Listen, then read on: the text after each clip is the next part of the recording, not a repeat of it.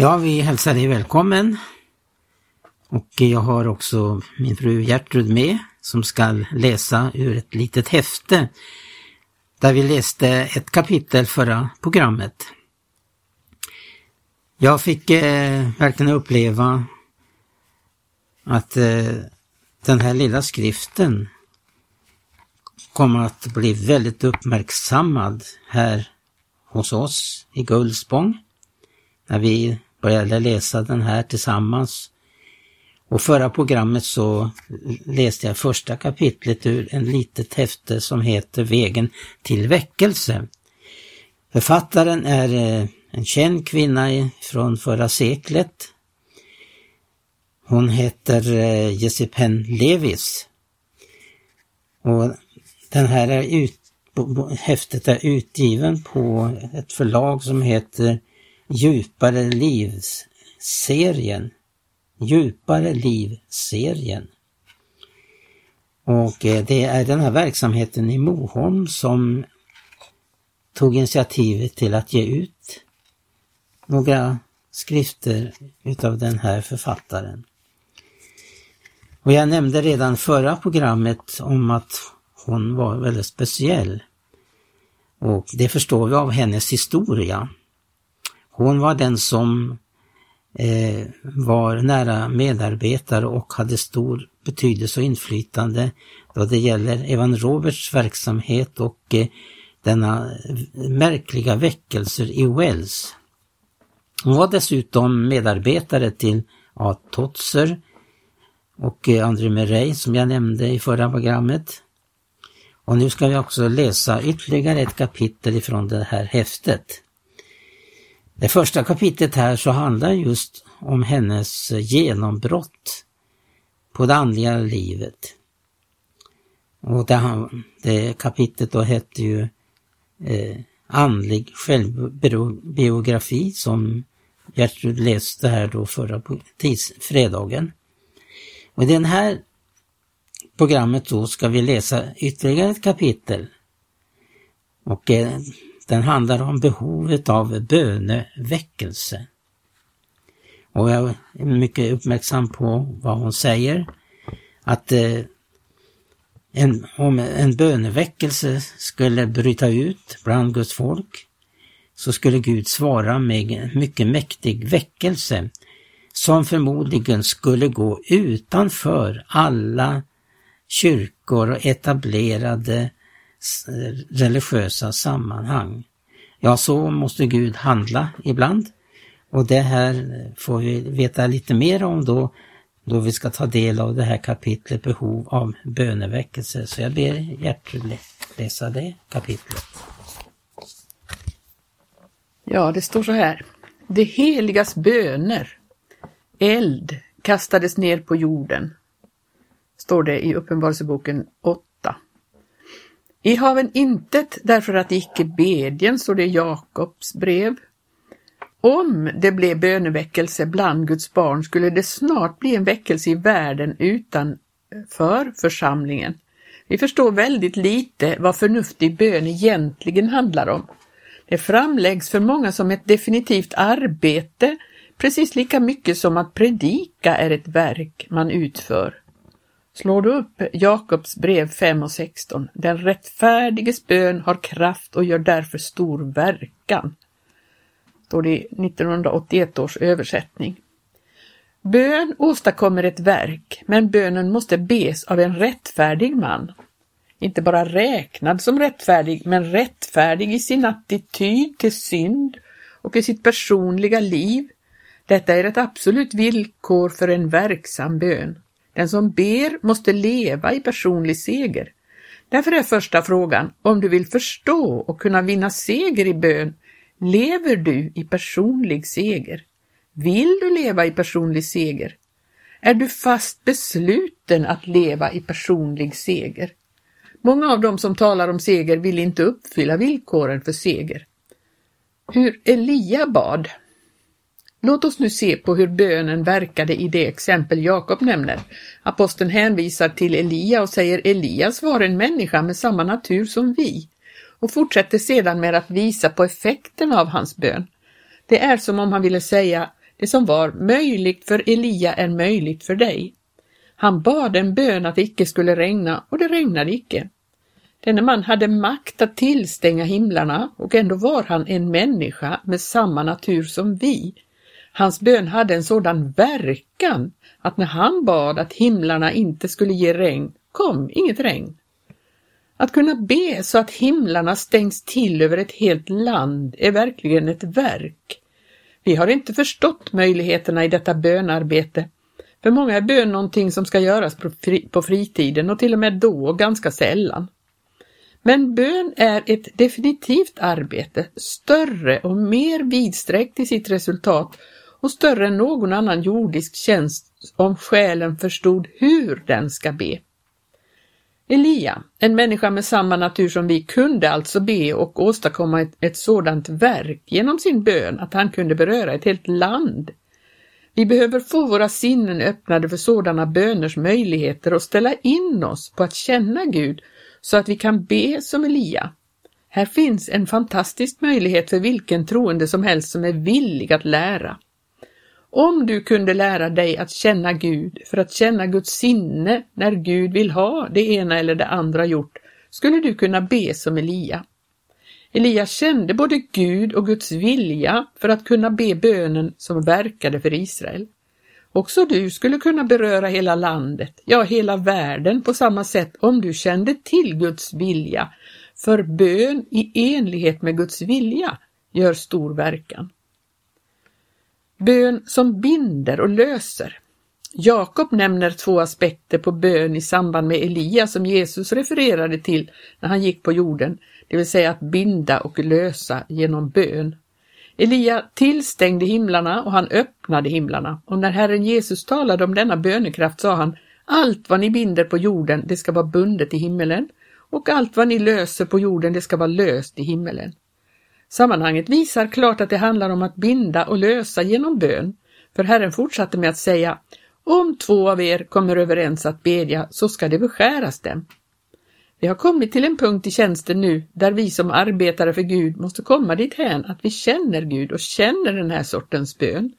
Vi har ännu inte nått till den punkt i bön där vi möter behoven idag. Han bad en bön att det icke skulle regna och det regnade icke under tre år. Sen står det helt enkelt åter bad han och då gav himmelen regn. Detta är allt Jakob säger om en sån enorm sak. Han säger inte vad fantastisk Elia var. Bibeln har inga överflödiga ord utan nyktra konstateranden utan överdrift. Den har en lugn, majestätisk allmakt. När Gud gör väldiga saker gör han dem tyst, precis som han gjorde som svar åt den som bad, och himlarna öppnades och gav regn. Från att ha fått denna korta glimt av Elia, låt oss se på en annan bild av detta bönarbete, eller hellre denna verksamma bön, Låt oss kasta en blick på Mose när han band och löste i Andra Moseboken 17. Israel var i desperat behov av vatten och i sin nöd började de förebrå Mose genom att säga Mose förde oss ut ur Egypten, nu får han ge oss vatten. Mose gick bara till Gud. Han ropade till Herren för folkets behov och då sa Herren till honom vad han skulle göra. Han skulle gå till en viss klippa och jag vill stå framför dig och du ska slå på klippan och vatten ska då komma ut. Mose gjorde det och vatten kom. När det gällde detta att möta folkets behov genom bön lägg särskilt märke till Moses rop och Guds gensvar. Moses lyfta händer. I samma kapitel har vi en annan aspekt på gemensam bön. Amalek kom emot Israel i en attack och då ropade Mose inte till Herren för han visste vad han skulle göra. Han skulle stå på kullens topp med Guds stav och lyfta upp sina händer. Medan Josua drog ner i dalen för att strida mot fienden. Och när Mose sänkte sina händer rådde Amalek och när han höll dem uppe rådde Israel. Vad gjorde Mose? Visst lyfte han sina händer mot den osynliga fienden bakom Amalek som attackerade Guds folk. För att kunna förstå detta måste du komma ihåg att Bibeln klart säger att Gud tog itu med dessa nationer genom en sådan dom, för att han låg i krig med de gudar det tillbad. Genom hela skriften ser vi att avgudadyrkan är demondyrkan. Bakom de kananeiska gudarna låg sataniska krafter precis som i varje land idag där avgudar tillbes.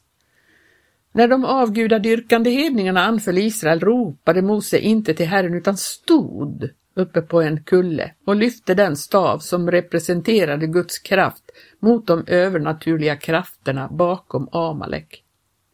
Dessa händelser illustrerar två aspekter på bön.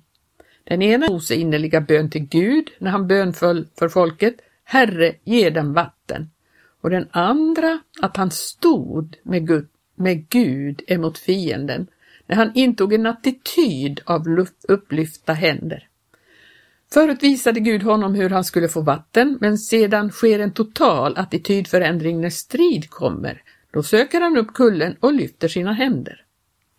Vi kanske säger, Mose, varför går du inte ner och strider i dalen? Men han skulle svara, jag håller på att strida.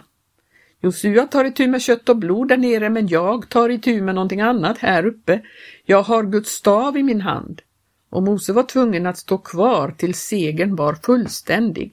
Det var inte ett lika lätt arbete som hans innerliga bön, för det innebar förlängt lidande till segern var vunnen. I slutet på kapitlet får vi nyckeln till Mose handling i orden Herren är mitt baner. När han lyfte sina händer med Guds stav lyfte han ett baner emot de osynliga fienderna. Detta är en slående bild på de två aspekterna av att kämpa i bön. I Elias fall ser du hur hans bön har kraft att binda och lösa för ett helt land och i Moses fall ser du hur han binder fiendens kraft och hur han löser vatten för Herrens folks behov. Bönen vid pingst. Om vi vänder tillbaka till församlingen vid pingst och till apostlarnas attityd till bön kommer vi att se att bön var ett arbete för dem. Den andefyllda församlingen fick problem och mitt i det så sa aposteln vi skola helt ägna oss åt att lägga detta till rätta. Nej, utan vi skola helt ägna oss åt bönen och åt ordets tjänst. Den tidiga församlingen visste hur man ber. De visste hur de skulle öppna fängelsedörrarna för Petrus. De gick inte med en begäran till Herodes utan hängav sig åt enträgen bön. Den bönen verkade lika effektivt som för Elia och Mose. Här har vi apostlarna. Människor döpta i den helige Ande som säger vi ska ägna oss helt åt bön. Är detta den prioritering vi har för vårt livs verk? Vi är ansvariga för de saker vi inte har bett över. Vi tror alltför ofta att bön innebär en halvtimme på morgonen, att stiga upp en viss tid, be vid en viss tidpunkt på en viss plats. Till och med bönemöten dit hälften går för att få det rätt ställt med Gud eller för sina egna personliga behov. Skulle Elia haft en sån mäktig effektiv bön om han hela tiden hade gått på bön för sin egen personliga tillväxts skull? Inte undra på att vi inte förstår att bön är ett arbete och att varje bön skulle åstadkomma någonting. Vi har sett på Elias bönarbete för ett helt land och Mose bönarbete för den utvalda nationen. Låt oss nu då ta Paulus som exempel i hans bönarbete för församlingarna och individuella troende. Titta först på hur Paulus längtade efter de heligas böner, även om han var döpt i den helige Ande. Han kände Gud och ändå vädjar han nästan med tårar att Guds barn ska förena sig med honom i hans förbönsliv och ta del i hans tjänst och kamp. Har vi inte lämnat talarstolen obevakad av bön? Hur mycket har du bett för personen i talarstolen som kommit in på ett sidospår med dagens demonläror? Vi är till och med ansvariga för de saker vi sörjer över i församlingen därför att vi inte har vakat i bön. Det har inte gått upp för så många av oss att vi måste be för alla de heliga och hela Guds folk och att speciellt varje människa i utsatt position skulle vara föremål för vår uthålliga bön. Hur Paulus bad. Se hur Paulus bad för församlingarna, så ivrigt mitt i sitt påfrestande liv. Hans brev är genomsyrade av bön. Ta Paulus brev för Efesierna, för Filipperna och andra troende om du vill veta hur du ska be i Guds vilja för andra. Be de bönerna. Du är alltid på den säkra sidan om du ber för dem, eh, för varje Guds barn du känner. Det måste vara bättre att be dessa böner än med vilka egna ord som helst. Då kan du vara säker på att be i Guds vilja, för Guds vilja finns i orden. Observera också att Paulus anger vad han vill att de ska be om för hans egen del. Då ser du hur Paulus behov berör Guds tjänares behov idag. O, att Gud gav dig en djup kunskap om detta bönarbete. Det finns inte en enda av er som inte kan ge er själva till Gud för detta. Hur ska du få tid? Tid? Nå, hela långa dagen. Du säger att du aldrig skulle kunna det för du har arbete som måste göras. Men tänk på alla de tomma ögonblick som kunde vara upptagna av bön och bli en gyllene skatt för Kristi församling. Helt kort, vad bad Paulus om för egen del? I Romarbrevet 15.30. Jag förmanar er bröder vid vår Herre Jesus Kristus och vid den kärlek som Anden väcker att kämpa med mig i era böner för mig inför Gud. Här finns ett definitivt samarbete mellan Paulus och det heliga i bön för honom själv. Han sa kämpa med mig. Vet du hur du ska kämpa för någon annan i bön? Om två människor ber och den ene ber med intensitet och djupt syfte till Gud och den andra är precis lika svag som den andra är intensiv, utan syfte, utan intensitet, då är det ingen gemensam kamp. Vet du hur man kämpar tillsammans i denna enade bön? Bön för Paulus. Lägg också märke till vad han bad om. Be, sa han för mig, att jag ska räddas. Va, Paulus? Ja, räddas undan det otroende.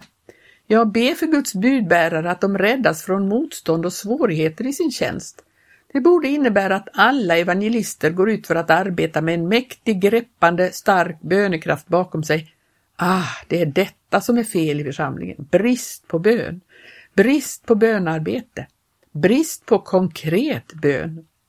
Paulus sa, be att min hjälpsändning blir väl mottagen. Har du någonsin bett att det arbete som Guds tjänare utför ska bli väl mottaget, bli helgat av den heliga Ande? Jag be att de aldrig ska hamna utanför Guds vilja. Be att de räddas, för varje liten del av evangeliskt arbete som idag görs eh, möts av lika mycket motstånd som på Paulus tid. I Andra Korinthierbrevet 1 finner du ytterligare en aspekt på Paulus behov av förbön. Han hade stora problem med ett arbete i Asien och det var så tungt att han till och med misströstade om livet. Gud hade svarat honom att det var en upplevelse av döden för att han inte skulle lita på sig själv, men han behövde förbön. Åh, jag kan tala om för dig att när en människa i tjänst för Gud går igenom denna upplevelse behöver hon andra själar som står med henne. Paulus behövde det. Jag misströstade om, till och med om livet, sa han. Men ur denna dödsfara räddade han, Gud, oss. Och han kommer att rädda oss när ni stöder oss i förbön. Det fanns böner bakom Paulus. Det är möjligt att Paulus inte visste hälften av vad Gud gjorde med honom för sin församling. Han levde sitt liv under tryck, stridigheter, lidande och tjänst och drömde knappast om vad Gud gjorde för hela Kristi församling genom honom. En så stor gudsman han var bad Paulus om andra människors förbönsstöd. Om den väldige hedna aposteln behövde oupphörlig medhjälp i kampen på alla de platser han åkte till med Guds budskap, hur är det då med Guds tjänare nu? O du Guds tjänare, du är inte beroende, oberoende av förbön. Det spelar ingen roll hur mycket Gud kanske använt dig i det förflutna och hur väl du känner den helige Ande och hans kraft som verkat genom dig. Du behöver ändå andras förböner. Bön om öppna dörrar. Paulus behövde bön om öppna dörrar. Paulus? Var uthålliga i bönen, be då också för oss att Gud öppnar en dörr för ordet så att vi förkunnar Kristi hemlighet. Bara Gud kan öppna dörrar för ordets rena sanning och i församlingens nuvarande historiska stadium är det intensiva motståndet från mörkrets makter sådant att det inte kommer att finnas en öppen dörr eh, evangelium utan bön som öppnar den. Vartenda steg som står i begrepp att tas är bara möjligt tack vare bönearbetet. Är dörrarna stängda? Öppna dem genom bön. Att Gud öppnar en dörr så att vi förkunnar. Men vem som helst skulle väl ha tagit emot Paulus att predika. Alla dörrar måste ha varit öppna för honom. Nej, han blev utkörd så ofta som djävulen kunde göra det genom människor. Vartenda steg Paulus tog på sin väg var enbart möjligt genom bönarbetet. På alla sidor idag rapporteras svält på Guds ord. På alla sidor stängs dörrar. Djävulen stänger dem överallt. Det verkar nästan omöjligt att behålla mark. Plats efter plats stängs. Faktum är att det går åt det hållet i Storbritannien, att fienden håller marken i ett så hårt grepp att dörrar bara kommer att öppnas genom bönarbete. Inte en enda dörr kommer att vara öppen för evangeliets förkunnelse om du inte skjuter på genom bön för att öppna dem. Bön att ordet ska få framgång. I Andra Thessalonikerbrevet 3 och 1 till 3 skrev Paulus igen Bedjen för oss att Herrens ord må ha framgång och komma till ära. Å ena sidan är bön att öppna dörren och den andra att ge ordet framgång. Bön att budbärare räddas. Bön att hjälpen ska tas emot. Bön att räddas från oresonliga människor. Bön, bön, bön, bönearbete. Det är inte mer kraft vi behöver utan mer konkret bön.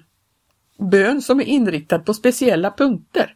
Vi har bett vagt, O Herre sänd din ande, istället för att göra oss besväret att ta reda på vilka behoven är och be utifrån dem. Vi behöver förstå konkret bön till Gud för att kunna öppna dörrar och för att kunna ge ordet framgång, det vill säga den pådrivande bönekraften. Men för det måste vi också förstå hindren.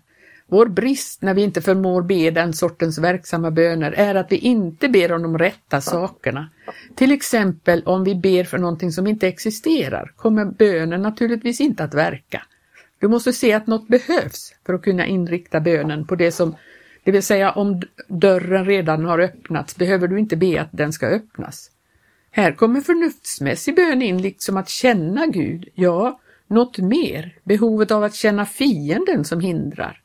Varje steg som Paulus tog var i tänderna på fienden. Hela livet efter sin omvändelse omgavs han av envist motstånd framför sig och människor bakom sig som förstörde hans verk. Läs om Paulus jordeliv och du upptäcker att han inte hade det lätt, men han hade seger hela vägen igenom. Om en tjänare idag inte vet hur han ska be en verksam bön och ha andra som kämpar tillsammans med honom i bön tvingas han ta till världsliga metoder att nå folk, speciellt för att få in nödvändiga medel. Det finns pengar för världsliga ting och inget fattas till att felaktigt strö omkring sig, men det finns inga pengar till korsets förkunnelse och en människa som inte har något annat än Guds sanna budskap. Satan är den som ligger bakom och hindrar och vi måste hindra honom genom bön och lösa pengarna för Guds verk var helst Golgata budskap troget predikas. Slå upp det sista kapitlet i Paulus brev till Efesierna och se hur underbart aposteln skildrar bönens strid och seger genom den rustningsklädde bönekrigarens upplyfta händer. Vi för inte en strid, skriver han, mot kött och blod utan mot furstar och makter och världshärskare i detta mörker, mot ondskans andemakter i himlarymderna. På kullens topp, billigt talat, i himlarymderna är bönekrigaren kallad att stå och iklädd den himmelska rustningen att i sin hand ta andens svärd som är Guds ord. Man kan arbeta utan att be, men det är en dålig plan. Däremot kan man inte be innerligt utan att arbeta. Ja, det var alltså det andra kapitlet som handlade om bön. Böneväckelse. Sen återstår det då ett kapitel här som vi återkommer till nästa fredag. Som handlar om sanningens ande. Och när jag har lyssnat till det här kapitlet så upplever man verkligen hur sant det är att då man läser apostlagärningarna och breven under apostlarnas verksamma liv så ser man att allt är uppburet av bön och att startpunkten kom när de blev uppfyllda av den heliga Ande på pingstdagen. Att det inte bara blev en punktuell upplevelse utan det var en startpunkt till att gå in i ett rikt andligt liv och att få verka för Herren och uppleva att Gud kunde få på det viset stadfästa sitt ord med åtföljande tecken och under. Då tackar vi för den här gången, tackar hjärtat här som har läst det här för oss och vi återkommer då som, som sagt med det tredje kapitlet i det här häftet. Sanningens ande. Gud välsigna dig som har lyssnat. Vi önskar dig allt gott och på återhörande.